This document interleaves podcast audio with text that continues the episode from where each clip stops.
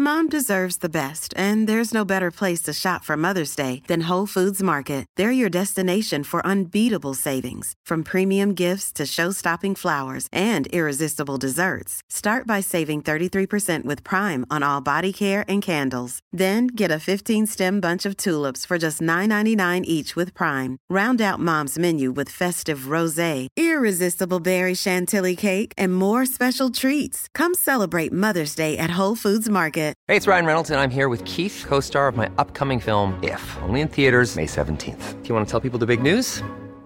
All right, I'll do it. Sign up now and you'll get unlimited for $15 a month and six months of Paramount Plus Essential Plan on us. Mintmobile.com slash switch. Upfront payment of $45 equivalent to $15 per month. Unlimited over 40 gigabytes per month. Face lower speeds. Videos at 480p. Active Mint customers by 531.24 get six months of Paramount Plus Essential Plan. Auto renews after six months. Offer ends May 31st, 2024. Separate Paramount Plus registration required. Terms and conditions apply if rated PG. Hey, I'm Ryan Reynolds. Recently, I asked Mint Mobile's legal team if big wireless companies are allowed to raise prices due to inflation. They said yes. And then when I asked if raising prices technically violates those onerous two year contracts, they said, What the f are you talking about, you insane Hollywood ass? So to recap, we're cutting the price of Mint Unlimited from $30 a month to just $15 a month. Give it a try at mintmobile.com slash switch. $45 upfront for three months plus taxes and fees. Promo for new customers for limited time. Unlimited more than 40 gigabytes per month. Slows. Full terms at mintmobile.com.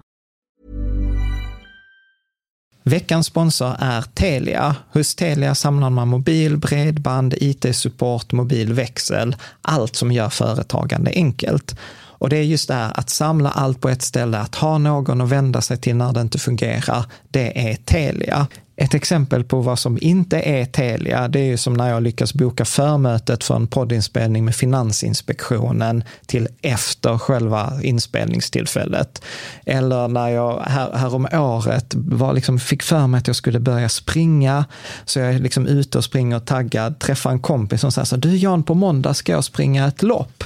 Och jag känner så här, ja men det låter inspirerande, så jag käkar pasta, jag byter om, tar mig ner till Malmö stadion för att göra en efteranmälan, står där i kön och sen så när jag liksom anmäler mig så tittar de på mig och säger så här, du Jan, vårhuset är bara till för kvinnor. Och eh, det var, det var typisk en situation som inte är Telia. Oavsett, ett stort tack till Telia som sponsrar, gör Rika Tillsammans möjligt, men framför allt tack till dig som lyssnar, följer och eh, hänger med oss varje vecka. Jag tycker att det är jättespännande att ni var ju ganska säkra på att corona på börsen skulle vara över till sommaren. Och det var ju dessutom inte bara en åsikt, utan det var ju något som ni faktiskt hade ett matematiskt belägg för. Du lyssnar på Rika Tillsammans-podden som handlar om allt som är roligt med privatekonomi. I den här podden får du varje vecka ta del av konkreta tips, råd, verktyg och inspiration för att ta ditt sparande och din privatekonomi till nästa nivå på ett enkelt sätt. Vi som gör den här podden heter Jan och Caroline Bolmesson.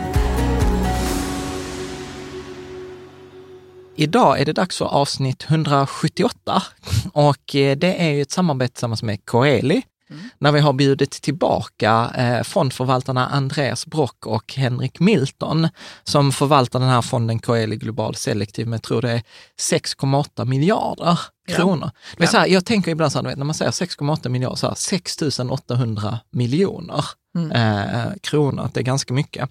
Och jag tycker de här avsnitten är ju lite roliga för att ett, de är ganska trevliga. Men... Vi får fightas lite. Ja, men precis. Men framför allt så är det ju så att de har ju helt annorlunda investeringsstrategi än Ja, vad och vi det är spännande att reda ut vad det är som är annorlunda och vad vi har gemensamt med dem och varför det, de tänker annorlunda än Ja. vad vi gör. Så att vi, vi har ju faktiskt redan spelat in eh, detta avsnittet med Mm. när vi spelar in det här introduktionen. Eh, vad, vad tog du med dig från, eh, från intervjun med, med Andreas Nej, men alltid när vi träffar dem så tänker jag så men det kanske inte är så himla dåligt med det här med aktiv förvaltning om rätt personer gör det. ja, precis. Vad tog du med dig? Ah, ah, alltså jag vet inte, jag, jag gillar ju de här två frågorna nu som vi börjat ställa i alla intervjuerna. Så här, vilket är det sämsta finansiella rådet? Ja. Och, och precis som med Erik Strand så är det så att de bara säger, ja men ett av de finansiella, sämsta Ska du finansiella... avslöja det Nej, jag ska inte avslöja Nej. det nu. Vi fick Men på moppe. Men, men det, då är det ju naturligtvis ett sånt här tips som jag alltid brukar säga att, att man ska göra. Så det, det var så här liksom jobbigt.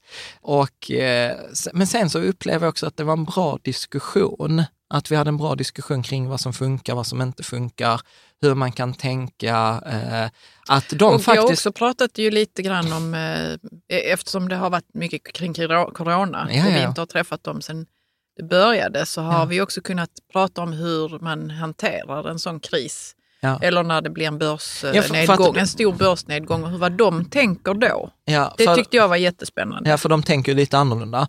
Och, och sen så tog, tog jag också med mig detta som vi tog i det här avsnittet med Småsparguiden. Så här, vad är tesen? Vad, är, vad finns det för teoretisk förklaring till tesen? Vad är det för liksom, da, historisk data? Och Alltså vi, när man har investerat någonting. Ja, det, vi precis. har tagit den ur sitt sammanhang. Okej, ja, Ja. men då ska vi inte, ska inte, jag ska inte prata så mycket mer. Men, Men, men vi, det, men, är jätte, den är jättebra. ja, men min poäng var i alla fall att jag tror inte på att man kan förutsäga framtiden. Nej. Och det roliga var vad vi konstaterade efter, detta är ändå tredje intervjun, de försöker inte heller förutsäga framtiden. Nej, fastän de är aktiva förvaltare. Fast de är aktiva förvaltare. Och det var min liksom stora, faktiskt stora behållning från det. Mm, Eh, Men jag tänker inte att vi behöver prata så himla mycket mer, utan vi släpper på eh, Andreas och eh, Henrik. Mm. Och eh, sen brukar jag faktiskt, även om detta är ett samarbete, att jag brukar rekommendera deras eh, hemsida coeliglobal.se global och framförallt deras nyhetsbrev. För det är väldigt, väldigt ovanligt att en fond ger ut hela listan på alla sina innehav.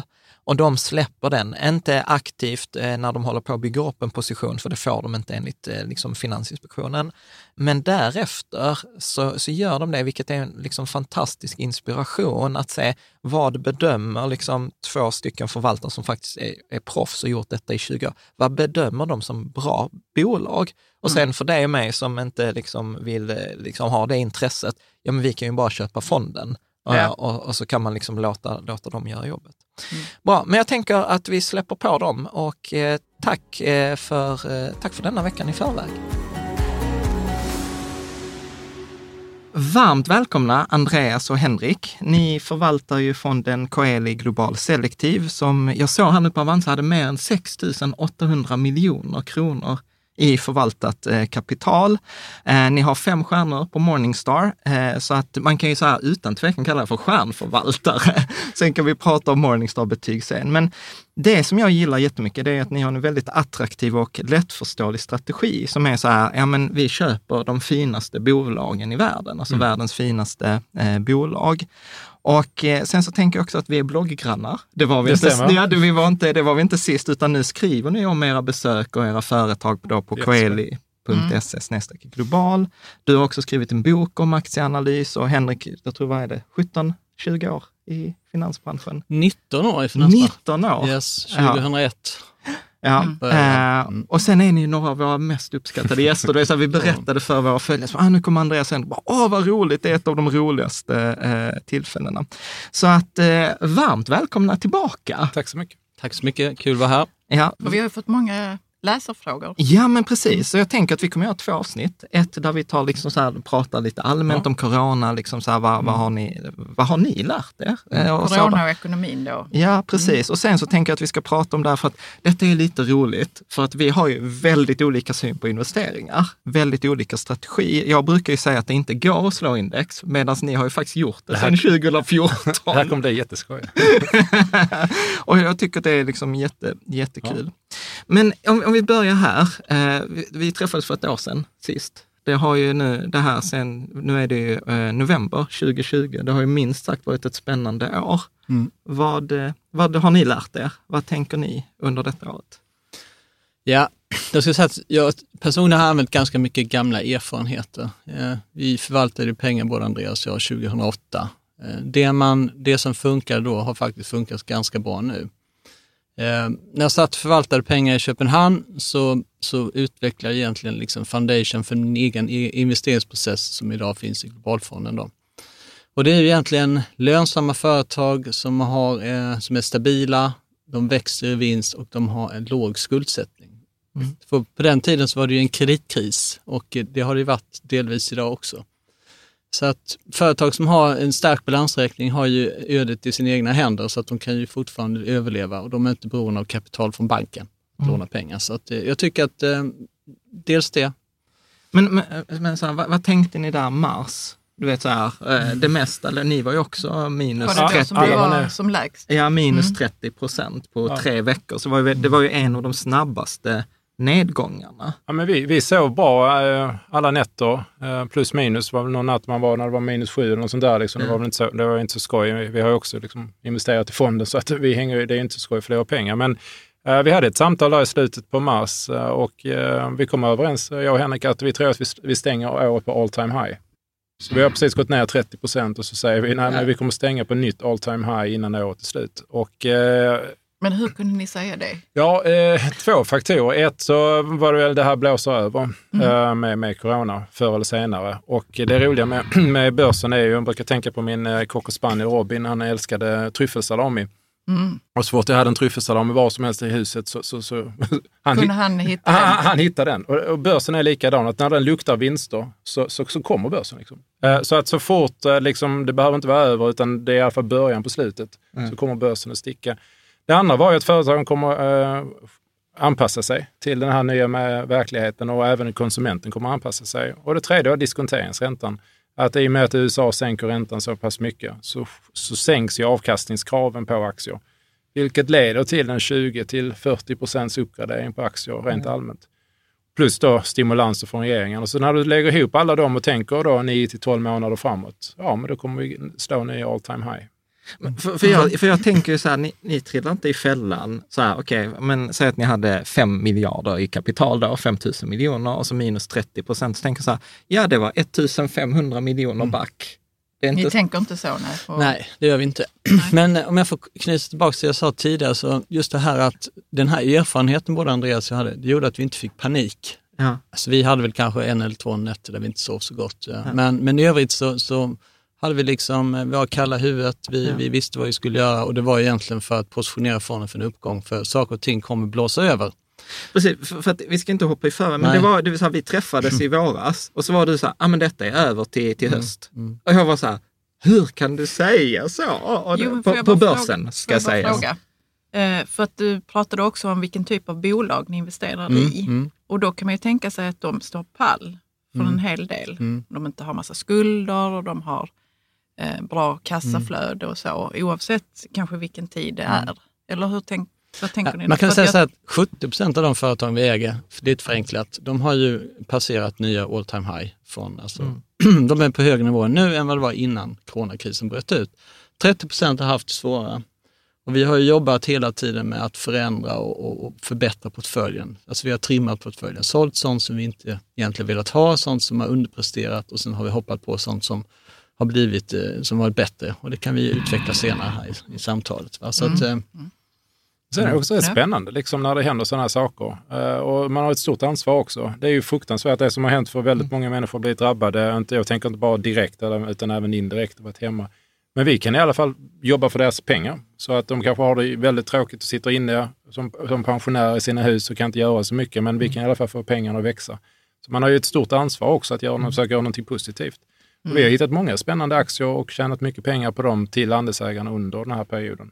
Så att det är ju liksom, det är hemskt när det händer men det är också spännande för oss för, som aktiva förvaltare att liksom, ja, men nu, nu gäller det. Men Liksom. känner ni att det är en möjlighet med? Ja, det är verkligen. oh ja. Jätteroligt. Ja, men vi har gjort många bra special sits som har funkat väldigt fint. Vad sa du? Special? situations. Ah, det är det när man köper billigt och säljer dyrt. förenklat. Så många bra nya ord. Ja, ja, nej, men, Ja. Det, men jag tänker så här, men har, har, tog ni med er någon sån här liksom insikt eller från lärdom från i, i våras? Du menar något nytt? Ja. Någon ny tanke? så det har gått väldigt bra för oss Ja. i detta året. Peppa peppa tar i trä. Ja. Men eh, vi kunde ha gjort det bättre. Det är nog det vi sp- spenderar mest tid att prata om. Liksom. Och, eh, Och vad var det? Att vi inte tänkte på de företag som gynnas av det här i tillräckligt stor utsträckning. Vi hade ju rätt många företag i portföljen som gynnades av det här och så Som? vidare. Eh, som Teamviewer, som ju, där du kan styra din dator. Vi har ju Microsoft med alla deras lösningar, Teams och så vidare. Mm. Så vi har, men vi, och vi, köpte, vi, har köpt, vi köpte Amazon då. Amazon föll eh, 20 procent, men vi tänkte det här är ju jättebra för dem. Och, och den var bra. Men vi skulle haft fler så, så, sådana. Så det, var, det är ju, nästa gång så får vi vara, ska vi försöka vara ännu bättre liksom, och tänka till vad är det som kommer gynnas av det här. Mm. Inte bara vara defensiva, vad är det som klarar sig, utan även vara mer aggressiva, vad är det som kommer gynnas. För, för detta, tycker jag, detta, är, detta är en av anledningarna varför jag gillar att ha er i, i, i podden. Eh, för att man, det klassiska ordspråket på nätet, eller på nätet, när man investerar är ju så här, var, var rädd när andra är giriga och var girig när andra är rädda. Och detta, när man hör er prata, jag kan ju säga så här, det är ju inte så det låter på många av de mejlen som jag och Caroline fick. Utan Under- under- under, under den perioden, Mm. för jag vet inte hur många mejl vi fick som, du vet så här, alltså när, i mars, folk sålde. De sålde allt och sen köpte de tillbaka i, i, i maj. Oj då.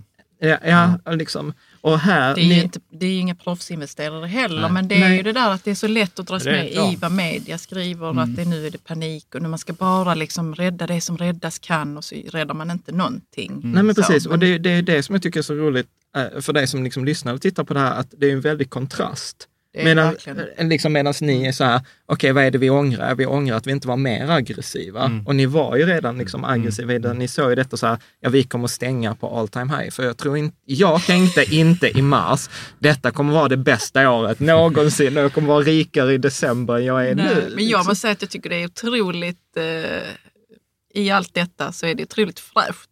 Ja. Att tänka så, det här kommer vara det bästa året. ja. Och dessutom inte var det i någon slags här naiv föreställning. nej, Så för ni har ju varit bara, med jag- länge. Så att det vi är inte räknar på det. Ja.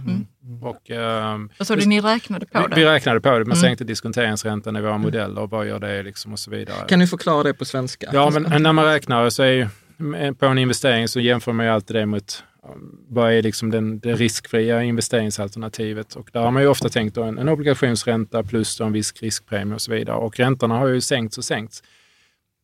I Europa var vi nere på noll redan, liksom. men det spelar inte så där jättestor roll. Vad som spelar roll är USA. USA är världens största ekonomi, ungefär 60 procent av världens börsvärde. Och när USA går ner och aggressivt sänker sin ränta, då ändrar det avkastningskravet globalt. Eh, och det gör ju att, att aktier blir mer eh, attraktiva. Och därför kan du också betala upp mer för tillväxtbolag som ju ofta har vinsten längre fram. När du sänker diskonteringsräntan så blir den vinsten väldigt mycket mer värd. Så vi räknar liksom att generellt, kanske en 20 procent upp på många företag. På ett tillväxtföretag så skulle kanske de upp 30-40 liksom. Uh, plus minus. Det är, det är många variabler som går in i, i analysen, men ungefär. Liksom. Så att det gör ju väldigt mycket uh, för börsen. Plus då alla de här stimulanserna som kommer komma och, och företagen anpassar sig väldigt snabbt. Men jag fattar inte riktigt hur den här räntan har, eh, kan bestämma aktiernas värde. Kan man, kan man ta det lite kort? Ja, men absolut. Bra fråga. Man jämför ju alltid liksom, om, om, om du ska investera i, aktier eller om du ska investera i räntan på, på banken. Idag får du noll då, eller till och med negativt. Men om räntan på banken är 4% som den var ju mer historiskt, ja, men då, då måste du tjäna ordentligt mycket mer på aktier för att du ska orka ta den där liksom svängningarna. För aktier, problemet med aktier det är ju att de är likvida. Och det är också fördelen med dem. Men de handlas ju varenda sekund, varenda minut. Och hade ert hus handlas varenda sekund, varenda minut så hade det också hoppat runt. Men det, det känns ju inte som det, för att det handlas ju inte varje sekund. Men aktier gör ju det ju. Ibland hade det varit bra om man bara handlat en gång per månad. Så det hade inte varit så. Ja. Men det gör ju liksom att, att eh, för att ta, du ska kunna hantera den svängningen så, så, så ska man tjäna mer på aktier än vad man ska på räntan. Och den differensen då kallar man då för riskpremien. Då. Men om då räntan sänks, ja, men då behöver du kanske inte tjäna 10% på aktier, utan Nej. det räcker med 7-8. Och det gör ju enormt mycket på värderingen när man räknar tillbaka det. Så att eh, därför vågar vi alltså rent matematiskt då vara liksom så eh, liksom Järva. djärva. Sen har vi bara betona också att vi har gjort misstag i år, vi, som, vi all, som vi gör varje år. Liksom. Så det är inte det att allt har gått fantastiskt. Men, men Vi kan bli det, det är också den här erfarenheten från just 2008-2009 där man visste. Men jag satt i ett team och jag hade några hedgefondsförvaltare som var chefer. De sa så här, S&P kommer gå ner, det kommer gå ut, vi köper guld och allting sånt som är säkert. Och jag och en annan kollega, vi sa, nu köper vi aktier istället. Och det var precis rätt då, för att då, då med den lärdomen att man har liksom varit i en djup kris, allting har sett så superdystert ut. Och sen så vågar man då säga att nej, vi köper aktier istället. Det var ju det vi gjorde. Vi har ju varit fullinvesterade i princip hela tiden. Och det vi har lärt oss också i, alltså vi har ju blivit mycket bättre investerare de senaste åren. Att man utvecklas ju hela tiden i det här jobbet och det är det som är det kul. Men vi har ju gjort andra typer av special situations som vi inte har gjort tidigare. Att vi har satsat kanske på tillväxtbolag då och köpt dem istället, för då vet man att om omsättningen och vinsten går upp, mm. ja, men det är ju den, det är den filosofin vi har i fonden. Liksom. Stigande vinster, stigande aktiekurser. Och har du då ett tillväxtbolag som har en väldigt hög andel stigande omsättning och, och stigande vinster, då är ju sannolikheten mycket högre att det sticker. Mm. Så att, eh, Vad kan det ha varit för bolag då? Det var till exempel DSV, Danskt logistikbolag som är en börsälskling. Det har vi också skrivit om, om på vår blogg. Mm. mm. Eh, Amazon var ju en special sit från början till exempel. Vi hade ju Vestas. Mm. Mm. Jag tänker bara kort för, dig, för dig som lyssnar. Ni har ju i er strategi i fonden så har ni ju två stycken. Ni har ju Champions kallar ni det, mm. alltså så här, världens finaste bolag och sen har ni Special Situations. Alltså så där det har hänt någonting, en speciell mm. situation mm. där ni spekulerar i att det kommer vara liksom en överavkastning på det bolaget. Men jag tänker när ni sa så här, ni bättre investerare, på vilket sätt har ni blivit bättre investerare? Ja, det, de senaste åren? Vi har lärt oss mycket mer om eh, ännu fler företag. Vi gör ju ungefär 120 företagsmöten varje år. Och eh, så på de senaste fem åren så är det 600 till. Liksom. Hur många av de 120 investerar ni Ja, nej, men det är inte så många. Uh, det är ju, vi träffar ju de existerande innehaven, sen så letar man ju, sen går man ju och pratar med deras konkurrenter. Så äger man Adidas, ja, men då pratar man ju med Nike. Mm. Äger man Microsoft, då pratar man med, med de andra. Och så, så, så försöker man ju liksom sätta ihop pusslet. Så dels har vi läst ut om nya företag och sen har man blivit lite äldre, mm. lite visare och, lite mer uh, tålmodig och, lugn. Mm. Skulle du lägga till mm. någonting? Nej, men det är egentligen precis som du säger, vi har ju fått en, en, större erfarenhetsbasis. Vi har ju fört in nya sektorer i vår fond. Vi hade för två år sedan så körde vi in semiconductors Mm. Eh, nu har vi gjort eh, e-commerce till en specialsektor i fonden till exempel och vi hade hälsovård till exempel, hade vi inte för tre år sedan. Det är nya mm. sektorer så att vi blir bättre och bättre som investerare. Vi bygger mm. en erfarenhetsbas. Jag gillar, jag såg en definition, jag tror det var Mark Howard, ja. som är så här, eh, jag gillar ju honom för, för, för fondförvaltare. Han sa så här, de flesta säger på frågan så här, vad är målet med investerande? Så säger, så säger de flesta så här, tjäna pengar. Och han säger så här att han gillar definitionen att lära sig fatta Precis. bättre beslut. Ja. Håller ni med om den definitionen? Ja, det är det. Ja, men det, gör jag. Det, är ju, det är ju det man älskar sig, att man hela tiden, det är en utmaning mot sig mm. själv och mm. kunskapen. När jag var ung så älskade jag att gå på biblioteket i, i Hörby där jag växte upp. Och så gick jag in och så, var, så bara så när jag tittade så sa jag, den boken tar jag. Jag visste inte vad den var. Var det någon bok om laser? Någon bok var det någon eh, bok som handlade om såna här kvinnor och ja, romantiska äventyr. ja, men det var liksom, man visste aldrig vad man tog. Det spelade egentligen ingen roll, för det var väldigt roligt att läsa, lära sig vad som helst. Ja. Öppet sinne, Andreas. ja, jag tänker så här, eh, när vi träffades i våras så pratade ni också om, så här, och så sa du, liksom, ni kör, du, du berättade så vi käkade i lunch och så, så berättade du hela detta caset som vi har tagit nu. Mm. Och sen sa du så här, och dessutom så är det så här, Tina, sa du liksom så här, there is mm. no alternative. Mm. Kan du inte säga någonting mer om Men det? Det, är ju, det fortsätter ju vara, är ju då there is no alternative och det, det fortsätter ju vara så. Eh, för aktier och framförallt då aktier där du har växande vinster är ju otroligt populära för, som investeringsobjekt. Sen har du ju fastigheter också. Eh, man tar till exempel bostadsfastigheter som, där man hyr ut lägenheter, omåttligt populärt. Eh, det som inte har varit populärt är till exempel fastigheter som, som har, alltså kommersiella fastigheter, köpcentrum och så vidare. Men det är fortfarande så att där det finns någon form av substans, någonting värde, det är det dit pengarna söker sig. Och det var det som Andreas förklarade här med, med när Fed sänker räntan. Det som händer då är att de sprutar ut pengar från Federal Reserve och de måste söka sig någonstans. Och då börjar de till de mest attraktiva pengarna och sen så hoppar de till det nästa attraktiva, sen är det tredje attraktiva, det fjärde attraktiva. Så, så letar sig pengarna ut då. Mm. Så efter några veckor då så har ju pengarna liksom hittat egentligen alla tillgångar där det finns lite värde då. Mm. Så det, det är det det handlar om. Mm. Skulle ni säga så här att, nu, nu har vi börsen i varit lite skakig just nu när vi spelar in, men så här, kan det växa härifrån? Ja, eh, det här ju, kommer säkert få äta upp de här orden, men vi tror ju att det är, alltså, när, oavsett, det är viktigt att förstå, alltså att börsen tänker ju ofta i probabilities, alltså sannolikheter. Så även om du och jag tror att Estée Lauder eller L'Oreal, världsledande då, vad de kommer göra i vinst nästa år, så när du har en stor binär event, alltså en, en ett eller nolla event som du har presidentval eller corona, så även om du jag tror, vi fortsätter att tro att de kommer tjäna så här mycket pengar, så ökar ju då liksom de sannolikheterna både på upp och nedsidan väldigt mycket med den här binära eventen. Vilket innebär att när eventet är över, om det är presidentval eller vaccinet som vi väntar på, så minskar eh, spreaden. och då ökar ofta kursen. Så att vi var i osäkerhets... Och nu har vi två stycken då. Och båda två är förmodligen över om två veckor. Och, eh, Den ena kan vara över om tre dagar och vaccinet kan ju komma vilken dag som helst. Och det kanske dröjer tre veckor. Men inom ett x antal veckor så är ju båda de här eventen över och vi vet någonting. Liksom. Och då minskar osäkerheten och då ökar värdet på, på tillgångarna. Så vi tror att det är större sannolikhet för börsfest än börsfrossa de närmsta månaderna. Det får vi säkert äta upp de orden. Har ni AstraZeneca nu? Nej, det har vi Det inte. Nej, vi har faktiskt valt att eh, hålla oss borta från den här typen av läkemedelsbolag som har Mm. preparat med patent och så vidare. Liksom. Det finns ju det som heter the patent cliff, när någonting liksom kommer över kanten och trillar ner när det går off patent. Mm. Det är ju up for grab för alla. Och Då, blir det ju, då åker ju lönsamheten dit kan man säga. Ja. så äger vi Thermo Fisher som då säljer och distribuerar coronatesten. Och de har ju haft ett fantastiskt år. Liksom. Så att Mm. Ja, vi, jag vi har tjänat pengar på, på, på den exponeringen. Nu ska vi prata om en sån här grej som jag tycker inte är så kul att prata om. Nej. Eh, eller jo, så är det ju såklart. När ni, ni var ju här i februari 2018, första gången.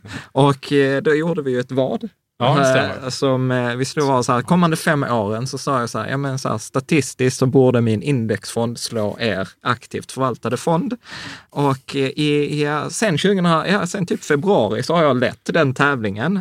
Men nu har ni ju liksom ryckt Ja. ordentligt. Är det februari i år? En, Nej, nej, det februari måste vara- 2018. Ja. Men nu i år har ju ni, ni har ju haft ett fantastiskt år i fonden. Så att jag, jag ligger, Länsförsäkringar ligger på 24,7 procent upp. Alltså jag har inte räknat om det på årsbasis, utan jag sa så här, från februari 2018. Ni är på 36,6. Så nästan 50 procent bättre.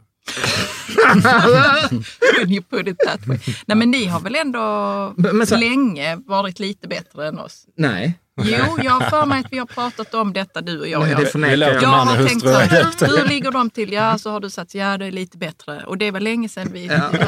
Det var och nu inte... så har, räknade inte vi med då att corona skulle komma så att ni kunde få sådana... Ja, fast det borde egentligen vara samma grej. Nej, men det är det nog inte om man då Men ska vi låter- liksom ut där och leta upp det bästa och så tar man hem Ja, det. fast jag och tror vi bara jag- tar allt och sen så går hälften dåligt Ja, men jag, tr- jag tror ändå att det är en bättre strategi. Men vi får Ja. se, ni får svara. Vi måste ju tro på Ja. vårt naturligtvis.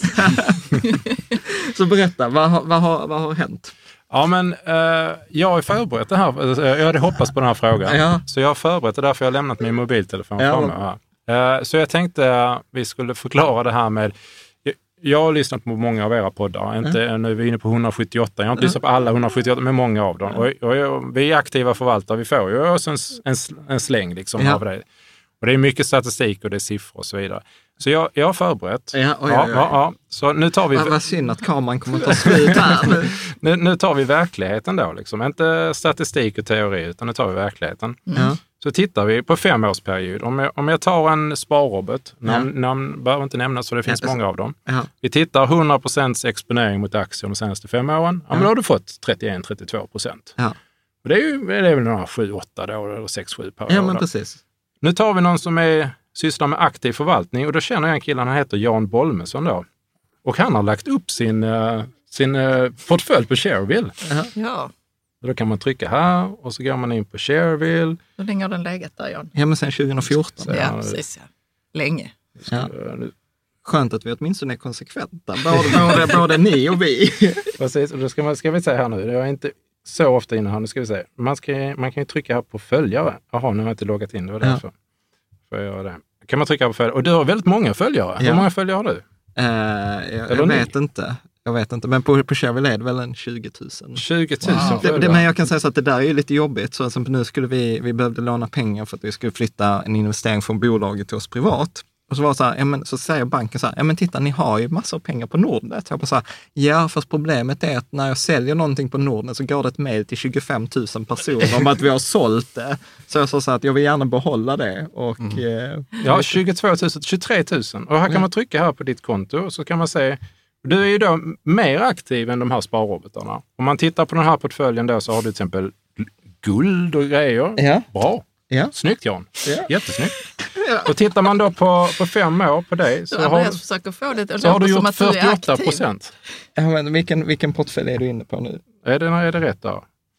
Men är det inte... Ja, då har du gjort 48 och det var ju bättre än de här 31-32 jag pratade om Ja, tidigare. ja, men det där är ju Rikets Sammansportfölj. Det där är bara 25 procent aktier. Okej, vilken ska jag trycka på? Du då? ska, du ska välja den som heter global. Eh, jag har ju en. Vilken, vilken ska vi ta? Jag tror att det, det är en som är så här 60-40 portfölj. Eh, Liknar den mest? vänta, nu måste jag titta här. Eh, Länsförsäkring. Kan det vara denna? Ja, men det har gått bra Ja. för dig. Ja, det har ja, gått men bättre såklart. för dig än de här uh, sparrobotarna. Så att Ja. aktiv, du, du Ja, fast mycket. jag är inte aktiv här vet du. Utan detta är ju en Guld. index. Ja, men det är ju det är Men hur har det gått tillgångsallokering. eh, för den som 60-40? Ja, men skitsamma. Vi, vi, tar, vi tar fram det innan vi omspelar. Poängen här var... Min poäng, min poäng Nej, men det var ju Andreas som Och min en poäng då, här. om vi då tar eh, en annan person på Sherwin, han heter Globalfonder, han har 43 följare. Stackars människa. En, Man pro- kanske har fler nu efter detta. en promille av det där vi kan andra. lägga en länk till, Ja. eh, till, eh, till Och då den. kan man trycka på hans portfölj. Han har bara en sak i sin portfölj, den här stackars människan. Han har Coeli Globalt Select. Ja. Och tittar man på fem år på honom så är den upp Hur kan det 75. Ja. Det är alltså dubbelt så högt på fem år som den där eh, Vad sparroboten sa du gav. att han hade där?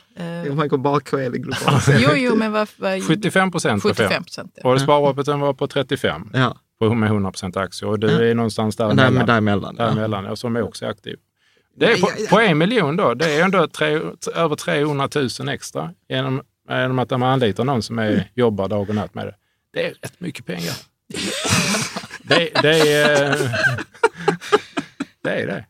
Så Ja, att, vi eh, har sett dig emot case closed. Men eh, det var en middag på Savoy. Ja, alltså vi har, vi har tre år kvar. Vi Ja. har tre år kvar. Ja, två och ett halvt. två, Två och ett halvt år kvar har vi, ja. men, men vänta. vänta. Och vadet är ju att vi ska gå bättre med vår index. Ja. Ja. Ja, men, det, var, det, var inte riktigt, det var inte riktigt i denna riktning jag tänkte att detta samtalet skulle gå. Nej. Men, men, om, men om jag vänder lite på det. Mm. För att Henrik, innan du kom så sa ni också så här, ja men du vet det har gått bra för oss i fonden. Vilket gör ju att då har vi blivit kontaktade av fondutvärderare från, som kommer utomlands ifrån. Ja, Liksom. vi får inkomna samtal nu. Det är Ja. jättekul. Vad, vad, vad gör de bara? Nej, men de, eh, de säger så här, hej, eh, jag ringer från Österrike och jag skulle vilja utvärdera er fond. Eh, Ja, så kan det är vi sätta folk- upp ett samtal då? Ja, så Ja, det är ja, folk som har till jobb att liksom, är. utvärdera Ja. fonder. Ja. Men, Men, varför ska de göra det Jo, bara? Ja. Ja, men vänta, jag får, Ja. jag, får dra, jag får dra denna till slut Ja, så kan vi ta det. den. Håll, Mm. Keep that thought. Men då sa du också så här, ja men de tror ju också bara att det är tur för, eh, liksom, i början. För att det är, alltså så här, jag fattar Andreas, och det är ju därför ni får vara här och typ ingen annan aktiv förvaltare. För, för att liksom så här, det går ju inte att bråka med en statistik som säger att över en 30-årsperiod så liksom så här 99 procent av alla aktiva förvaltare slår ju inte sitt index. Alltså, förstår ni? Så- jag menar, jag är inte ensam i den tron, utan ni träffar ju den med från fondutvärderarna också. Så kan ni inte liksom så här guida oss igenom, liksom, Nej, men egentligen är det så att vi, har ju, vi, känner en hel del fondutvärderare då. Va? Ja. Och, eh, och problemet då med, eh, med att man, just det här med statistiken, att, för det finns ju bra fonder och det finns dåliga fonder. ja. Och den här statistiken inbegriper både bra och dåliga fonder. Ja, Men om man då har energin, eh, vill leta efter bra aktiv förvaltare, så kan faktiskt aktiv förvaltning löna sig då. Men för, förlåt, men för mig blir det ju så här, där sitter väl inte någon för, förvaltare på någon fond och tänker så här, nej men jag tänker liksom så här, jag skit, jag gillar inte mitt jobb så jag gör detta halvdant. nej, men- alltså, nej. alltså förstår Men- ni? Så men- att det går ta- väl inte bara att säga så att, för jag tror att alla fondförvaltare, aktiva fond, måste väl ha ambitionen att de ska slå index. Men- eller, men men, tar- eller finns det som inte Om man tittar på kompositionen av vår fond så har vi ju cirka 30 innehav. Vi vill köpa världens 30 bästa företag som ska slå, liksom, som ska stiga i värden för att vinsterna växer.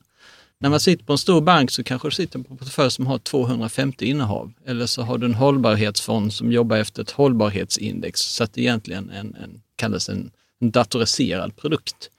Och det är inte så lätt att slå index om man har 250 innehav eller 150 innehav för att dina bästa idéer får inte genomslag. Och hur i tusan ska man som ensam förvaltare kunna träffa 150 bolag och vara med på fyra kvartalsrapport? Det är omöjligt. Vi har ju 15 företag var, det är 60 samtal på, det fixar vi. Så att, så att eh, ja, Och sen lägga till, har jag också tänkt, jag tänkte den här frågan kommer säkert med din statistik där. Det, det, jag går in nu på mitt sjunde år som det förvaltar den här eh, globalfonden. Och, eh, men jag tittar på mina konkurrenter och andra. Liksom, Hur många fondförvaltare har drivit en fond i sju år? Det, det är väldigt få. Alltså. Och om, man, om man då pratar om din, din statistiken när den kommer från liksom, i, under en tioårsperiod och sånt där. Det är exceptionellt få personer som har samma jobb i 10-20 år. Liksom. Så att eh, vi, vi har ju det unika upplägget på, eh, på Coeli. Vi trivs ju fantastiskt bra. Vi har ett härligt, eh, härlig atmosfär. Så vi, vi kör ju på liksom. Och sen äger ju ni er egen fond också ju. Alltså Det- inte, delvis, bara, inte delvis. både liksom att ni investerar i era pengar, men ni är delägare i det Delvis, liksom precis. också. Så att, Men vad sa du att ni hade, att du tog fram statistik Jan? Mm. För aktiva för, förvaltare som hållit på i tio år? nej, eller? nej, men när man tittar... Alltså, så här, du sa att det var inte många som hade gjort nej, det. alltså då är väldigt ju många, jag tror det är så här 50 procent av alla fonder läggs ner eller slås ihop. För att med- de är för dåliga då antar jag? Eller, Ja, eller för, för att- eller för att de ska slås ihop med någonting annat av olika Ja, det kan väl ni svara på bättre. Alltså, från, Alltså jo, det, är väl inte ovanligt på man kan säga att det finns något som heter silly seas- season i, i finansbranschen också. Det Ja. säger att när folk byter jobb, det är efter man fått sina bonusutbetalningar så ska man hoppa till en annan firma och så vidare. Så att Mhm. Vi har ju en, i och med att vi är liksom delägare i vår fond och vi är delägare i det bolaget som förvaltar fonden så har vi väldigt starka incitament att vara kvar på våra jobb. Och Ja. eftersom det här är en livsstil, vi älskar våra jobb, det här är det bästa man kan göra, så kommer vi vara kvar. Ja.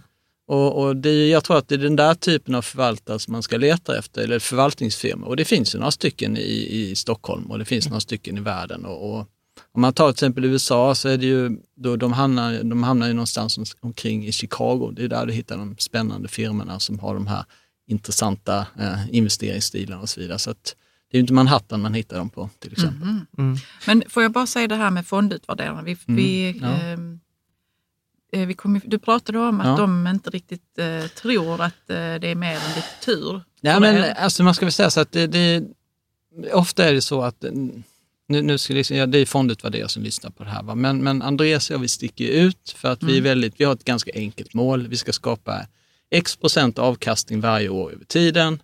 Vi är väldigt öppna, vi kommunicerar, vi försöker förklara det enkelt för alla så de ska förstå vad är det man köper. Vi är ju 100% transparenta när det gäller innehaven för att varje kvartal så skickar vi ut vår lista. Och, och ibland får man uppfattningen att de inte riktigt tror att det går att vara så, att ha en sån enkel modell då. Men sen är ju komplexiteten ligger i att välja ut företagen, att skapa en portfölj med 35 företag, eller vad det nu är för någonting. Det är där svårigheten ligger då och det är där vår långa erfarenhet kommer in. Och, och, och då behöver man prata med de här fondutvärderarna ett antal gånger för att de förstår att det här är ingen slump. Utan vi har ju faktiskt, och att vi då har gjort väldigt bra ifrån oss, det är ju för att vi har gjort ett bra analysarbete förra året. Det är därför det går så bra i år. Så att de företagen vi äger, eh, de har ju gynnats av corona. Det har ju snabbspolat hela den här utvecklingen med corona. Då. Men, men så här, eh, för, för det, jag fattar, om jag, om jag Ja. sätter mig i er sits, Ja. det måste ju vara sjukt frustrerande att vara duktig på någonting och sen blir det hela tiden avfärdat som tur. Ja, på, gru, det, på men som en grund... stavhoppare liksom. Ja, men det bara Ja, tur. men Ja, det jag tur tänker igen. också att ni tänker så, ja men Ja, men- watch, watch us. Ja, men, men jag tänker Ja. så här, vad, vad skulle ni vilja, liksom så här, vad hade ni önskat att jag verkligen genuint fattade? Ja, men att, det inte är, att det inte är så svårt, men att man måste fokusera på det. Jag, jag tror att vi vill ju, vi är en aktiv förvaltarfond. Vårt mål är att slå index. Sen har vi en strategi att försöka skapa hög avkastning för att göra det. Då. Och det är inte så svårt. Alltså det är ju bara att köpa företag som växer. Men sen kan man göra det otroligt komplicerat och man kan liksom... Men, men, men eh, vår, vår edge, det är, vi är två vanliga killar, vi har läst i Lund och, och, och, och vi, men vi har ju spenderat, som i Henriks fall, då 19 år i finansbranschen och vi, vi spenderar all vår vakna tid. Och att många av de, alla, mer eller mindre nästan alla som lyssnar på det här samtalet, och de också hade spenderat två årtionden och ett årtionde på utbildning, två årtionden erfarenhet och fokuserat varje dag på det, så hade de gjort det lika bra. Det är precis som att jag, jag kan inte klippa hår. Och eh, min, min frisörska, en fantastisk kvinna, hon klipper det mycket bättre än vad jag någonsin kan göra, för hon har ju klippt hår i 20-30 år. Och jag skulle aldrig liksom få för mig själv liksom att börja mecka med det, utan eh, det lämnar jag till henne. Och det, det är samma sak när det gäller det här. Jag tror ni är lite blygsamma. Jag tror ni har en fantastisk metod Mm. och att ni jobbar bra för att ni är lite eh, utan att någon kommer och säger så, ni måste göra så här eller ni kan inte göra detta. Är ni med? Ja. Mm. Eh, så att ni har någonting unikt. Ja. Och det här brinnande intresset måste man ju också ha.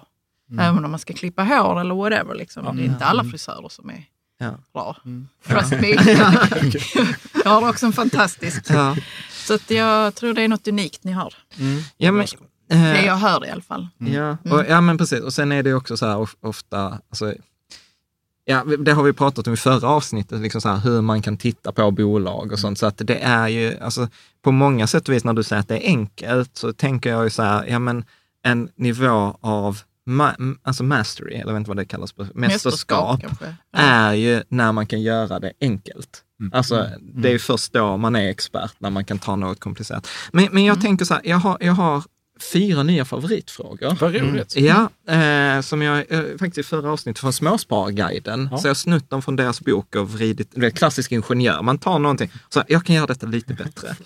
Eh, men, men de hade liksom så här, eh, fyra frågor man kan titta på en investeringsstrategi. Ja. Och det är så här, vad är hypotesen som man bygger strategin på? Alltså vad är, vad är liksom hypotesen? Stödjer historisk data den här hypotesen? Eh, vad är den teoretiska förklaringen till hypotesen? Och fyra, kommer detta hålla även i framtiden? Ja. Så kan ni inte bara, gå, bara så här, gå igenom de här fyra? Så här, vad är hypotesen som ni bygger er förvaltning på? Jag kan ta det. Ja, kör du Andreas. Ja, det är väldigt enkelt. Jag kan dra igenom det på 30 Ja. sekunder. Ja, vad, vad, vad, frågorna. Vad är hypotesen är att eh, företag som tjänar mer pengar blir mer värda. Det vill säga att växer vinst på aktier så går aktiekursen över tid upp. Precis som eh, alla, alla som lyssnar på det här och, och som driver sina egna företag, om det företaget tjänar 20% mer nästa år så är det värt ungefär 20% mer om du skulle eh, sälja det. Precis som en pizzeria i Hörby, om den tjänar mer så, så blir den värd mer. Det är en ganska enkel hypotes, jag tror det är ganska mycket sunt förnuft. Stödjer för, histor- förlåt, Ja. är det både champ, det är Det champions? spelar ingen roll vad det är. Det är även special situations? Absolut. Det, så, så, okej, så att det är inte som att ni tänker så här, vet, nu har det gått kast här, nu tror vi att detta kommer att vända här. Utan det är, samma, det är samma resonemang även där. Vi får ju alltid den här frågan, eller alltid, ofta. Ja. Är det, nu har ju growth gått så himla bra. Ja. Är det dags för att value ska gå så bra? Ja. Och den frågan tycker vi är väldigt svår att svara på för att allting hänger ju om vad kommer omsättningen växa i de företagen som, som kallas value eller som kallas growth. Så det är precis det And- Andreas säger här då. Stöder historisk datahypotesen? Svar ja. Eh, Nu har jag inte datan precis med mig, Ja. men det är en 90 korrelation på liksom en akties eh, utveckling och vinst eh, och över 1 till 3 eller något sånt där. Och lägger du ihop det i en portfölj så är korrelationen 90-95, något, sånt där. Så att ko- korrelationen är extremt hög. Vad är Ja, den det, det räcker ju att kolla på, gå in på Bloomberg så tittar du på Mastercards aktiekurs de senaste tio åren. Där har du det tydliga exemplet. Mm. Det är ju en väldigt fin sluttande slalombacke uppåt. Alltså du jämför omsättningen och vinst med aktiekursen? Det är den Alltså det är för att Mastercards omsättning har hela tiden ökat och också vinsten har hela tiden ökat och då har vinsten också, eller rätt sagt aktiekursen stigit. Det är Mm. väldigt tydligt. Vi tar här, för vi kan inte visa det för, för tittarna, men där säger ni till Vi kan exempel klippa in det. L'Oreals liksom aktiekursutveckling tillsammans då, den Mm. orangea då, eh, eh, kopparfärgen och sen så med då vinsten som är då det skuggade Mm. området. De följer varandra. Det är inte svårare än så.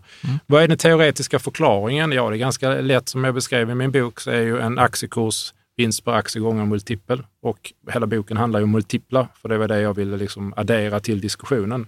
Eh, så vi tycker det är väldigt roligt att prata om, om multiplar och vi kan prata om multiplarna i våra företag, men det är ju den, det är liksom den extra kicken uppåt då, att du får en multipelexpansion. Men det behöver du inte få. För, för det första, teoretiska hypotesen gäller fortfarande. Och sen är det, är det rimligt Förlåt, att... förlåt, jag får bara liksom flika in. För att jag har för mig, om jag inte minns fel, i förra avsnittet så sa du så här att... I, ja, nej men alltså, det var, för det fastnade. För det var så här att på ett års sikt är det svårt att göra en bättre analys än andra analytiker. Ja. Utan på ett års sikt så, så, så är alla analytiker, liksom, massor smarta människor löser samma problem på samma sätt. Men så sa du, bortom 12 månader så kan man ha väldigt olika åsikter om vad multiplarna ska vara. Verkligen. Att liksom hur, att även som på H&M tror jag i din bok skriver du så här, H&M, för många tyckte att det var jättehög värdering, men när, när man tittade på det kommande 20 åren så var den värderingen fortfarande låg, för multipeln var låg. Precis, stämmer Ja. jättebra. Mm. Så låt oss ta ett exempel här då. Eh, jag bara avslutar. Ja. Är det rimligt att hypotesen kommer att hålla framtiden? Ja, det är, vi anser det är rimligt att om ett företag tjänar mer pengar så blir det mer värt. För att nu besvara din fråga då. ehm, eh, när det gäller då, ehm, låt oss ge två exempel på där vi har jobbat med multipelexpansion. Då. Eh, den första var eh, väldigt enkel, var eh, Microsoft. Eh, Microsoft började med software as a service. Att jag gick in på Elgiganten och helt plötsligt kunde jag inte köpa Office-programmet utan jag skulle hyra, Hyra det, det. hyra det då. Det här är ju, Mm. det är ju sex år sedan. Liksom. Mm. tänkte det här är ju rätt smart ju. För att när nästa recession kommer så kommer jag ju fortsätta betala varje månad. Jag kan ju inte stänga av Word och Excel liksom på jobbet. Ju. Förlåt, jag måste bara säga Nej. Vad ro, roligt att du tänker så här, fan vad smart, medan jag som satt där på andra änden som kund var så här, Fan vad jobbigt! Men var det jobbiga var att du behöver eh, hela tiden betala ja, men abonnemang plötsligt, för, på precis, det? för då hade jag 15 anställda. Ja. Och så fick jag betala 15 gånger varje månad. Ja, jag var så här sjukt. Jag, jag, nästa gång ska jag göra den kopplingen. Ja, förlåt, nu får du fortsätta. Nej, men, eh, och då tänker man det här är ju fantastiskt ju. Och det, det innebär ju också att över en treårsperiod så kommer jag ju betala mer. För att jag uppgraderar det ju inte för var tredje år. Så 600 eller 612, 18 liksom. Ja, men det är, det är, ju- så att eh, dels är det recurring revenue. Och det innebär ju att mm, ett företag som har recurring revenues är ju värt mer än ett företag som är beroende av engångs eh, betalning. Så är det ju. Och risken blir ju mindre. Och då, därför blir ju då, tillbaka till diskonteringen, när risken blir mindre så, så blir ju, då ska den vara värd mer. Ju, ju, ju säkrare intäktskällorna är, ju, ju, ju mer vä- värda är de. Så då, och, då handlades eh, Microsoft på en P 17-18 liksom. Och eh, sen så hade de den här molnsaken som växte väldigt mycket och, och vi köpte Microsoft och eh, jag kommer ihåg det var Merrill Lynch. Merrill Lynch var väldigt negativa till det här. De kunde inte förstå varför aktien gick uppåt. Och sen så kommer jag ihåg tre år senare så skrev Merrill Lynch-analytikern väldigt öppenhjärtigt. Jag har haft fullständigt fel. Liksom. Jag har haft helt rätt när det gäller förväntade vinst, vinster och så vidare, men jag har inte förstått den här multipeln-grejen. Den lärdomen tog vi med oss till Apple sen. Det kan väl du berätta om? Ja, eh, spännande nog så handlades ju Apple till P tal 12-15 för kanske ett och ett halvt år sedan. Eh, idag så handlar den på P tal 30. Så att du har alltså haft en, en 100% stigning i aktiekursen bara på grund av multipelexpansionen. Eh, Och hur har de multiplat då? Nej men det är ju det att, att tidigare då så pratade ju Apple då, eh, det, var, det var december 2018 tror jag de hade sitt konferenssamtal. Och då så, så var ju analytikerna så jäkla förbannade över att man nu ska inte de presentera hur många iPhones som säljer utan de ska ta egentligen ta summan av alla iPhones gånger priset och prata om en omsättning för iPhones. Och det, det, det, det blev ju liksom missnöje och det är ramaskri alla, alla analytiker som följde Apple då. Men det är då, Apple är smarta, så det vad det handlar om det är att de vill ju då att folk skulle börja titta på deras servicesida då, som är system då. Eh, det är ju det här med iCloud och det är ju iTunes och nu är det den här fantastiska tv-kanalen med bra serier och så vidare och så vidare. Servicesidan då, som de tjänar mycket mer pengar på och vi har också gjort ett blogginlägg på det här där Andreas visar då hur fantastisk operationell hävstång det är i det här då, för att kostnaderna ökar knappt någonting när omsättningen stiger. Så därför blir det då en sån här mjukvarumultipel på Apple då, som är 30. Och, och det är det som är det fina då, för att eh, när jag besökte Kalifornien i år, i februari, var en av de sista resorna vi gjorde utomlands. Eh, och då så gick polletten ner för mig ordentligt, för då besökte jag Intel. Intel är ju ett eh, hårdvarubolag, tillverkar ju mikrochip, eh, P12 eller P13 eller någonting. Sen åkte jag till Adobe, ett fantastiskt mjukvarubolag, eh, träffade deras eh, IR, vi pratade om deras vd som var otroligt duktig och kunnig person. Just det här med hur när man skalar en mjukvara, det är väldigt, väldigt enkelt. För det är bara lite ström och lite minne, eller hur? Va? Och så, så har man skalat Mera. mjukvaran. Mm. Ja. Så att det är ju väldigt, väldigt mycket enklare för att du behöver inte tillverka någonting för att du ska skala. Nej. Och det är därför just mjukvaruföretag har en högre multipel, för att skalbarheten är så fantastisk. Och du nämnde Intel och de är ett hårdvarubolag. Ett hårdvaru- ja. Så de har inte samma... De måste producera en pryl, de måste ha Ja. en fabrik. Och Precis. liksom ska det de är en- energi och det är kisel och det är någon människa som ska ja, Mm. paketera och det är maskiner och det ena med det andra. Får jag ta ett exempel till? Nej. Nej. är det okej? För nu har vi pratat om Champions då väldigt mycket, då, liksom, om den här växande vinsten och så vidare. Sen har vi de här special situations då. Och där handlar det väldigt mycket om, både om vinsten men framförallt om multipeln då. Och låt oss ta ett exempel. Du började fråga oss hur agerar under corona och så vidare. Det finns en bostadsbyggare som heter JM och vi, vi skrev ju om den här aktien på vår, vår, um, vår hemsida. Koeli.se global. Så att nu har ni nämnt det, men ni har inte sagt. Ni får lära er säga länken. Ja, förlåt. Jag är inte så, jag är inte så marketing. Ehm, JM. JM, aktiekursen har fallit. Eh, jag har följt JM i 11 år. Träffat vdn 5-10 gånger. Jag är- Jag är ekonomichef, jag har besökt dem och så vidare. Vi, ehm, SEB, eller det var någon annan bank, gick ut och sa att många bostadspriserna ska ner 10-15 procent i Sverige. Liksom. Det finns risk för det. Än en gång, de möjliga utfallen ökar ex, explosionellt. Precis som Henrik sa, när man pumpar in så här mycket pengar i ekonomin och sänker räntan, pengarna tar väg någonstans. Ungefär 3 triljoner dollar. Alltså det är så mycket pengar så knappt, går knappt att föreställa sig. Pumpades in på väldigt kort tid. Mm. De hamnar till slut eh, i, eh, i saker som fastigheter och det kommer till och med påverka svenska fastigheter. Vi märkte att huspriserna i USA var stabila. Samma sak hände i England. Och samtidigt då i Sverige så tror man att bostadspriserna ska ut. Ska, skulle falla. Vi har ju då som förmånen då att kunna ägna oss åt det här eh, på heltid. Så vi sa nej, det, verkar inte vara rimligt. Så vi stack ut och träffade mäklare. Jag åkte ut i, kommunen där jag bor och träffade min mäklare och så frågade jag honom då i maj, då, liksom, kommer verkligen priserna falla 15 procent? Och han bara, jag vet inte, men april har varit den bästa månaden någonsin i hela vår historia. Mm. Mm. Och eh, just nu faller inga priser. Vi fortsatte så. Vi besökte mäklare på många ställen i Sverige. Vi pratade också med, med folk som höll på att sälja sina lägenheter i Vasastan och så vidare och gav en helt annan bild. Och då har du alltså en enorm diskrepans mellan verkligheten, för vi har samlat in fem datapunkter som säger en, väldigt tydligt en, en bild och den rädsla som fanns. Det, det som och var är rädslan? Är, det, i, är det i tidningarna då eller var är den? I tidningarna och den ligger i aktiekursen. Mm. Och, och tittar, ja, man, tittar man på, mm. i ax, på aktiekursen så mm. indikerar mm. den att du skulle få en nedskrivning av mark och så vidare. Så vi, vi hade ett samtal med eh, Claes Magnus, då, eh, ekonomichefen på, på JM och frågade vad krävs liksom, för att du ska skriva ner eh, eh, marken. Jag minns inte exakt meningen han sa, men det, det indikerade liksom att ja, det behövs en 2008. Liksom. Och alltså total finansiell härdsmälta. Och medan då våra datapunkter då, ett par veckor senare visade att det absolut, vi går mot uppgång i husmarknaden. Mm. Så vi köpte JM på, jag minns inte, 165-170 och åtta veckor senare kom vi komma ut eh, på den, med den sista aktien på 2,50. Då gjorde vi 50 procent på åtta veckor. Och då har du ju liksom en, en, där spelar vi ju helt enkelt med att vi har tid, vi har kraft och tid och energi och att åka ut och träffa mäklare, få in data, primärdata då, man får mm. att använda ett teoretiskt sett primärdata och jämföra vår syn med synen på börsen. Och när, som jag precis skriver i min bok, då, när du har en enorm differens mellan din egen syn, det är ju då du ska satsa. Mm. Men vad är det som gör att ni eh, bestämmer er så? Nu måste, vi måste samla in datapunkter nu. Ja, det beror ju på. Alltså, det, ja, när, när någonting känns fullständigt fel eller, eller att du vill bekräfta din hypotes. Vi gjorde mm. till exempel det. Vi har ett, um, ett företag som heter Sika som gör tätningsmedel. Om ni åker ut i bygghandeln så ser ni Sika-produkter överallt eller frågar byggare liksom, som gör om badrummet. Då kan vi bara åka ut och titta på och jämföra priserna mellan Sikas och, och konkurrenterna. Och inte alltid, men ofta så är ju Sika väldigt mycket dyrare. Och då tänker ju ni säkert, oj, det är inte bra. Jo, det är jättebra.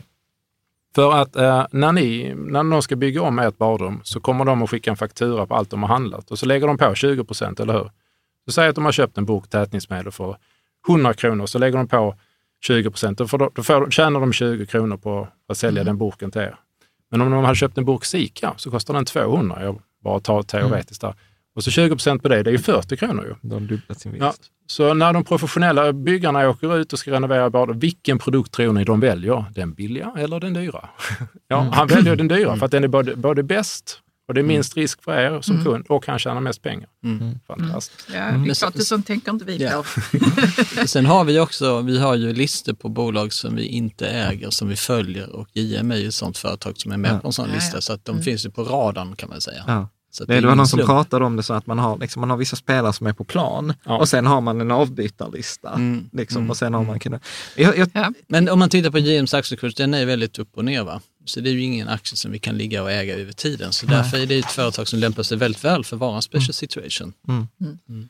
Jag tänker att vi ska börja runda av detta avsnittet snart. Eh, vi har ytterligare några spännande eh, frågor, men eh, jag tänker så här, just nu är det ni måste väl ha stött på de här frågorna också, för jag, jag får ju den här, ja men eh, hur kan man ha en indexfond eller hur kan man ha en global fond när man skulle äga liksom så här ny teknikaktier? Jag, jag gjorde en råd, jag fick en råd. Jag fick en, teknik, ja, men jag fick, jag fick så här rådgivning av Swedbank. Det var jättekul. Jag spelade in hela rådgivningssamtalet. Det var, det var katastrof. Det är så dåligt så jag har inte valt att publicera det. Men då fick jag rådet att jag skulle ta Swedbank Robur Ny Teknik i hälften av portföljen. Ja. Eh, liksom, och, sen, och sen frågade jag honom så här, hur gör du själv? Nej, men då hade han åtminstone, det var ändå heder åt honom, för då hade han ändå åtminstone 50 procent mm. Robur Ny Teknik i sin egen fond. Och nu, nu är det inte så här, jag vill inte att ni uttalar om Swedbank Robur Ny Teknik, utan Nej. mer fenomenet att liksom så här, nu... Den här trenden. Den här trenden ja. att, du vet i vissa perioder då har ny teknikaktier gått bra. Sen upplever jag growth har gått bra, så nu pratar mm. man, sen kommer mm. value. Jag mm. upplever att det finns så här liksom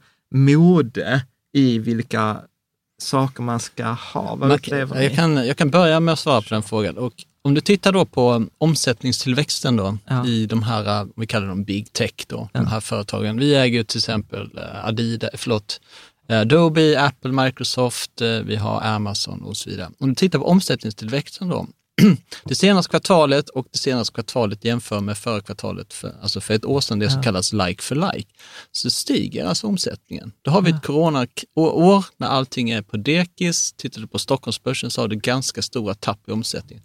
Men de här bolagen växer och de tjänar pengar och det är därför de är populära. Alltså så att, och, och det är ju det att det är inte så bara att, eh, att de stiger bara för sakens skull, utan det är ju så att Amazon har ju någonting som vi gillar och det är ju en e-handelsplattform som vi älskar. Apple har väldigt bra telefoner, de har ett bra, liksom, eh, en bra tv-kanal och de har bra musik och så vidare. Och så vidare. Microsoft, det klarar inte utan för att vi behöver det där jäkla Office-programmet. Precis, fast jag, jag, fast jag, förlåt att jag avbryter Men- Henrik. Jag, jag, jag fattar helt det där Ja. och det är egentligen varför ni har valt de Men det jag bolagen. tänkte komma till där, Ja. det var det att alla de här bolagen använder teknologi, de använder teknik. Mm. Och, och det är liksom, vi pratar om ny teknik, det är ju bolag som, som har en ny teknologi som, där det finns en förhoppning om att det här ska bli en allenarådande teknik och det är det här man ska använda och det är därför de här bolagen handlas upp. Men jag menar, den här nya tekniken den finns ju redan i de företagen som vi äger för att alla företag måste ha ny teknik. För annars kan inte de vara konkurrenskraftiga. Mm. Så det är Men för, Så för då min, har ni det fast med ett underliggande starkt värde. Ja, alltså vi har det, vi har till exempel, om jag tar Adidas då, det är ju inget teknikbolag, det är ju eh, konsumentvaruprodukter, men de har en fantastisk hemsida. De har en e-handelslösning som bygger på en teknologi. Ja, men för, för min poäng, min poäng eller så där, där så här, jag, jag vill egentligen Men är det inte otydligt vad ny teknik Nej men eh, vänta, innebär låt mig få... Ja, ja, okej. jag, nu driver jag en agenda. Ja, Och jag vill, jag vill att ni ska säga att jag har rätt. Så. Eh, eh, då är det, nej men jag tänker så här, för, för när, jag, när jag möter det, så, ja, de här fyra frågorna, vad är hypotesen, vad är historisk data, så upplever jag så här, nej det är inget som stödjer hypotesen som är så här att, ja men det enda jag ska ha är en ny teknikbolag, för att jag kan visa massor av perioder, liksom IT-bubblan, då det inte är liksom, det, det bygger ju inte på samma typ av hypotes som ni säger, så att bolag som är lönsamma och går med vinst och växer kommer gå bra sannolikt i framtiden. Medan nu upplever jag så att hypotesen är, varför har du köpt en ny teknikfond? För den har gått bra de senaste tre åren. Precis. Eh, liksom. Nej, men du, och, och du har rätt. Nej, men och, och, och, och det är... Vi, vår fond är ju balanserad. Ja. Och om man tittar på de senaste månaderna så är det byggföretag som har gått väldigt bra. Det är sjukhus, sjukhus som har gått bra. Det är indiska banker som har gått bra. Eh, eh, och, och, och vi har också en del, vad har vi, en 20-25 procent teknik ungefär. Eh, men det räcker, det räcker bra där. Ja. Det, det, vi har inga problem med att tjäna pengar på tätningsmedel eller sminkprodukter eller om det är tyska fastigheter. Och du vill hela tiden ha en diversifierad portfölj. Så vi vill inte ha mer, mycket mer eh, teknik än så. Vi vill inte ha mer sjukvård än vi vill ha X procent och vi vill inte ha fastigheter för mycket. För att, eh, nu började programmet, vad har vi lärt oss från den här saken? Eh, det är, jag säger det, precis som vi lärde oss från 2008, att nästa smäll är runt hörnet. Mm. 20, om det är 2021 eller 2022 eller 2023, men det kommer komma något liknande. Och vi har ingen, precis som vi inte hade någon aning om corona för ett år sedan när vi träffades, så har vi ingen aning vad som komma skall. Ingen. Och därför måste vi ha en diversifierad portfölj med, med olika, som är investerade i olika sektorer, olika länder, eh, men det är solida företag överallt. Att, så att du klarar nästa smäll och att du har, liksom, du har kraft och mod att hålla i det och att du kan också agera. Och det är ju det vi bygger hela vår fond Och det, Så diversifiering Ja. också. Det är roligt att ni också kommer tillbaka till, till det. Ja, men jag tänker på det sen när man tittar då på de bolagen som finns i en ny teknikfond. Det finns ju företag som säljer någonting. Så att jag tycker liksom den här benämningen ny teknik, det blir liksom miss, missvisande för att det är ju ett antal nya produkter som säljs. Vad är det för produkter? Det, det tycker jag är intressant. Ja. Ja, ju mer vi pratar om ny teknik, desto mer undrar jag, så, vad är det egentligen? Okej, för de flesta innebär en ny teknik samma sak som att man köper typ antingen Ti- TIN ny teknikfonden eller Swedbank Robur ny teknik. Men vi behöver inte prata om det. Nej, det, nej, det är inte vi liksom, kan ta det utanför. Eh, ja, vi kan ta det i ett annat avsnitt. Eh, Vi ska prata här. Ni, ni har ju gjort en ganska, tycker jag, ganska kaxigt uttal. Inte kaxigt uttalande, men en sån där så att ja, men er, ert mål, ert mål med fonden är att ge en års medelavkastning på mellan 10 och 15 procent. Och, och så sa jag så här, att, och vi känner oss ganska trygga i att säga det. Eh, hur, eh, liksom så här, Ja. det är osäkerhet med det där såklart och det är ingen Absolut. garanti, det ska vi också vara supertydliga. Men det är Men det är ändå, ganska det är ändå högre än till exempel när jag räknar. Så räknar jag så här, ja men börsen ger i genomsnitt eh, 7-8 procent nominellt. Och här ser ni liksom ändå 50 procent högre. Jag kan eh, svara, vi har ju liksom en bred portfölj och eh, eh vi har till exempel ett företag som heter Pfizer. Och de guidar ju egentligen för att deras EPS-tillväxt ska vara 15 till 17 procent varje år. Och det gör de genom att växa omsättning och köpa tillbaka aktier. Så det är ju en av anledningarna till att vi faktiskt kan ha ett sådant eh, ambitiöst mål, för att vi har företag i vår portfölj som växer så mycket. Och sen så kan vi ju krydda dem med special situations där vi då kan eh, tjäna pengar på en aktiekursrörelse till exempel, då, när man saker och ting omvärderar. Så det är det som gör att eh, vi känner oss väldigt trygga med det här, för att portföljen består av företag som underliggande växer så mycket. Och Vi har ju pratat mycket om det här i det här avsnittet, det här med stigande vinster, stigande aktiekurser. Så att, ja. Och bara för att betona och förtydliga där igen, alltså, vi är en aktiv förvaltarfond, vi ska slå vårt jämförelseindex. Sen har vi då ett strategiskt mål. Och så vad är då strategin att göra det här då? Ja, men det är strategin att, att försöka skapa hög absolut avkastning så att vi över tid slår indexet. För Jag vet inte vad indexet går närmast ett till två år. Jag, jag har inte koll på 2200 företag. Men jag har koll på våra 30 liksom. Eh, Så att om vi, om vi fortsätter och kan leverera den här typen av avkastning så är vi konfidenta att vi kommer att slå vårt jämförelseindex och då kommer aktiv förvaltning fungera. Ja, och jag behöver ju er för att passiv förvaltning ska fungera. Så att jag är liksom tacksam för att ni gör det ni gör. Jag tänker vi brukar ha lite så här, vi har lite nya frågor. Ja. Eh, som är lite också, de är lite stulna med stolthet av eh, Tim Ferris. Mm. Och ett av, eh, ett, en av frågorna som är min nya favoritfråga är så här, vilket är det sämsta rådet som ni brukar få höra i finansbranschen? Så här till privatpersoner liksom. Sitt stilla i båten, den, den gillar inte jag. Det är så roligt. Men varför får ni alltid, det kommer alltid så här råd som jag brukar säga till folk.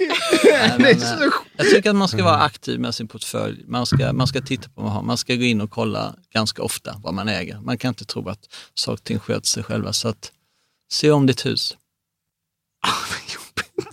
Men ingen kommer ju vara lika duktig som du, Henrik. Nej, men jag bara menar det handlar ju om att Men, man men, är men förlåt, intresserad om sig jag, för det. men, men om jag spelar djävulens advokat. Ja. Nu, är jag, nu är jag som den där personen där på Sherville som, som bara har då Coeli Global Selective i sin portfölj.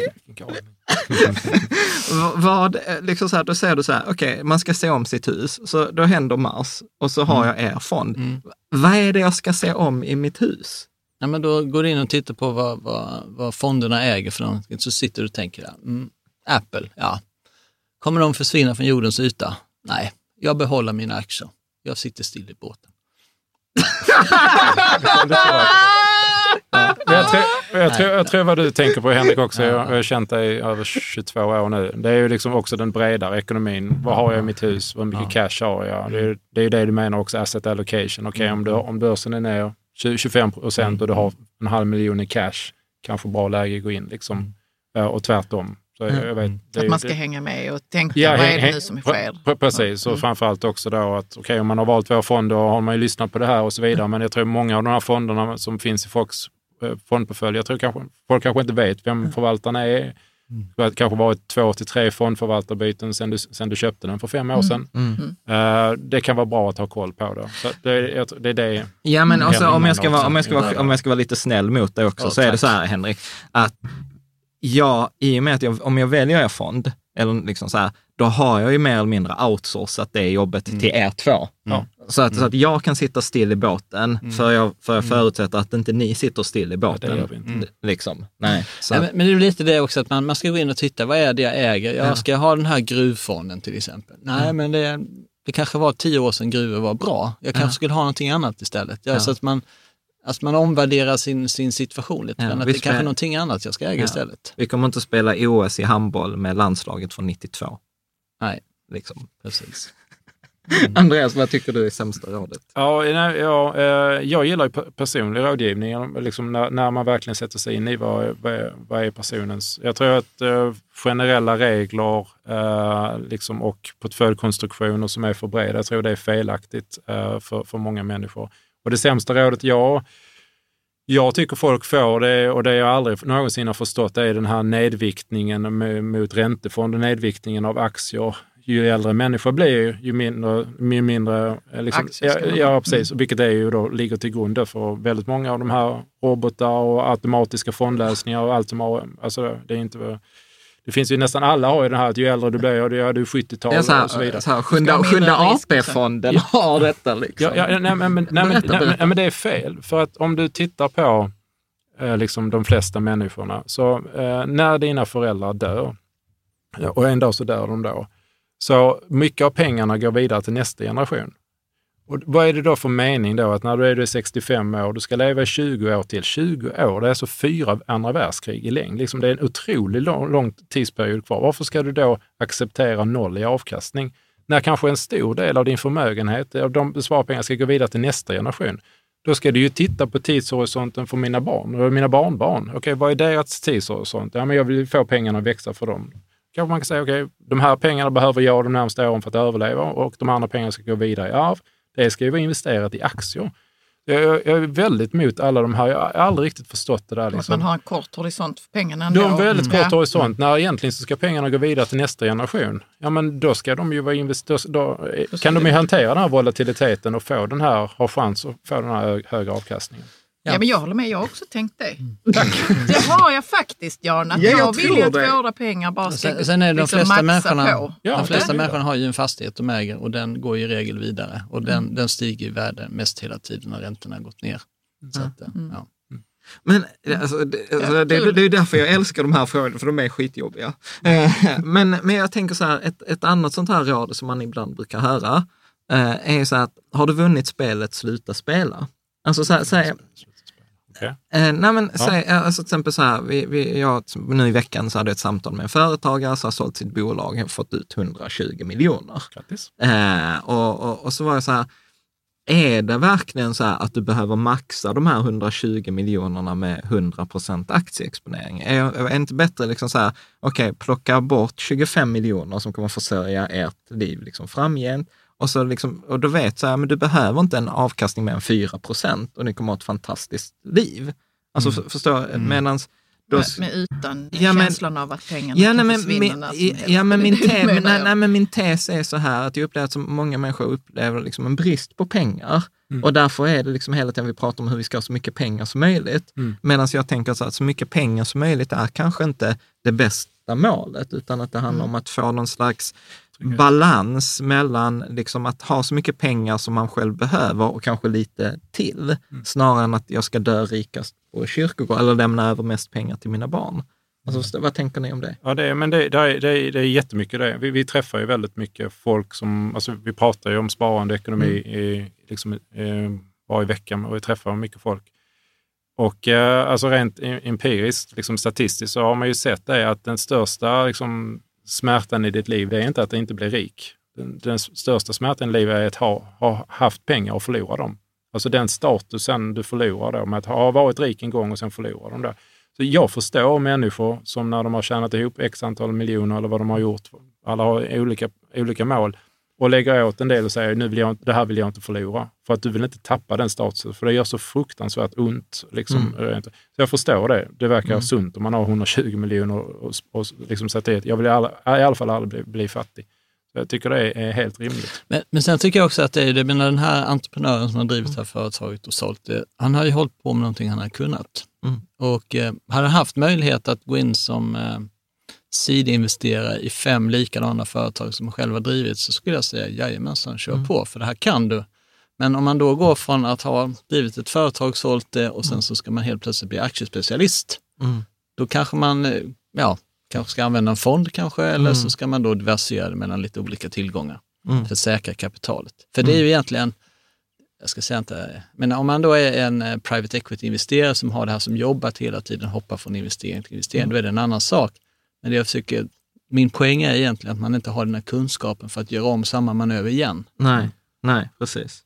Bra. Eh, Så här, om ni ska ta, så här, vilket köp under 1000 kronor har påverkat era liv mest positivt det senaste året? Positivt. Senast. Denna kan du också fundera på, Carro. Du har inte fått den frågan. Nej.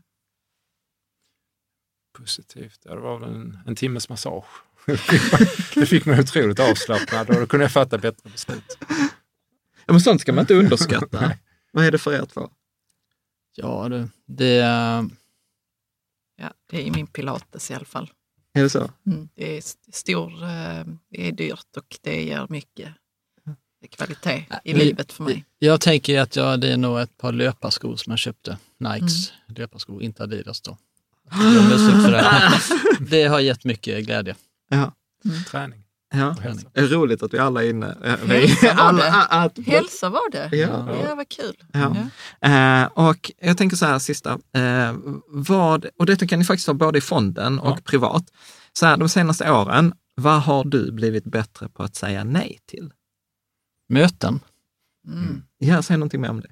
Nej, men det är det, alltså, vi, vi får ju eh, propåer dagligen om Ja. olika möten och eh, det, det är viktigt för oss att vi använder vår tid väldigt, vä- alltså på, på ett Ja. rätt sätt. För att vi ska ju ha de mötena som vi vill ha med de företag som vi är intresserade av. Men vi får väldigt många mötespropåer på företag som är lite halvintressanta eller helt ointressanta för Mm. att ja, De vill ha kapital. de vill ha kapital och de, Mm. de vill ha folk som lyssnar in på deras företagsmöten till exempel.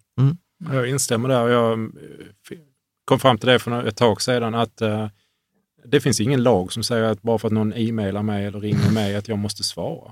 V- Vad, är det liksom att bara för att någon skickar ett e-mail och säger hej, jag är från London, jag vill sälja in den här tjänsten, jag är i Stockholm, kan vi ta ett möte? Va- Varför måste jag ens svara på det? Finns det någon lag som säger det? Men om någon ringer på en dörr, då öppnar man liksom. Men, Ja. men bara för vi får, jag tror jag har 120 mejl om dagen liksom, om olika analyser och grejer och så vidare. Jag menar, så tacka nej. Ja. I början av livet måste man tacka ja till mycket. Sen Ja. måste man bli mer och mer selektiv och börja tacka nej och Ja. fokusera på det man själv tycker är roligt. Ja, jag håller med. Eh. Verkligen. Så här, vilka råd skulle ni ge en ny sparare? Det här är en fond som heter Coeli Global Selektiv. Ja, bra, titta nu, bra! Bra där! Finns att köpa på Avanza och Nordnet, ska du lägga till också. Det är jättebra. Ja, vad jag med börja, börja spara tidigt. Det, Ja. det, det, ni pratar ju väldigt mycket om det med tid. Liksom. Mm. Det viktigaste Det är är ju och, eh, tid. Liksom. Mm. Börja spara tidigt. Ju yngre Ja. det är, liksom. om det är 300 eller 500 kronor i månaden eller Mm. vad det är, Mm. spelar ingen roll. Kom Gör igång, liksom. vanan. Ja, men tid är viktigt. Ja, och sen eh, inte så många investeringar.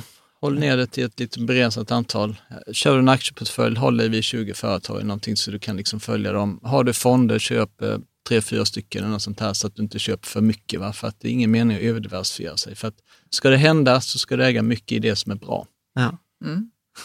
Bra sagt. Jag, jag, bara, jag tycker att du som lyssnar på det här, detta tycker jag är så fantastiskt, att det finns inte ett rätt svar, utan att det finns många, många olika tankar kring det.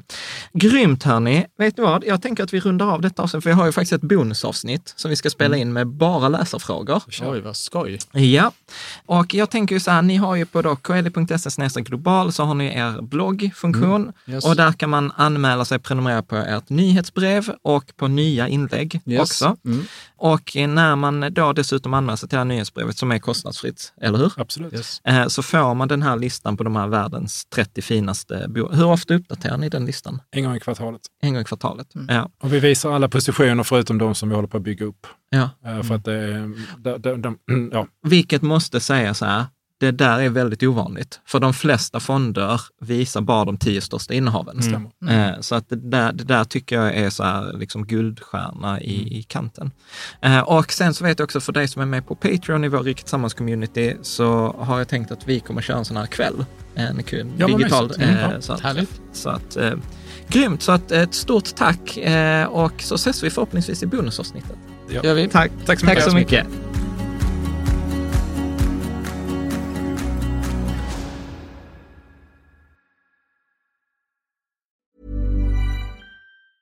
Mom deserves the best, and there's no better place to shop for Mother's Day than Whole Foods Market. They're your destination for unbeatable savings, from premium gifts to show-stopping flowers and irresistible desserts. Start by saving 33% with Prime on all body care and candles. Then get a 15-stem bunch of tulips for just $9.99 each with Prime. Round out Mom's menu with festive rosé, irresistible berry chantilly cake, and more special treats. Come celebrate Mother's Day at Whole Foods Market. Mom deserves the best, and there's no better place to shop for Mother's Day than Whole Foods Market. They're your destination for unbeatable savings, from premium gifts to show-stopping flowers and irresistible desserts. Start by saving 33% with Prime on all body care and candles. Then get a 15-stem bunch of tulips for just $9.99 each with Prime. Round out Mom's menu with festive rosé, irresistible berry chantilly cake, and more special treats. Come celebrate Mother's Day at Whole Foods Market.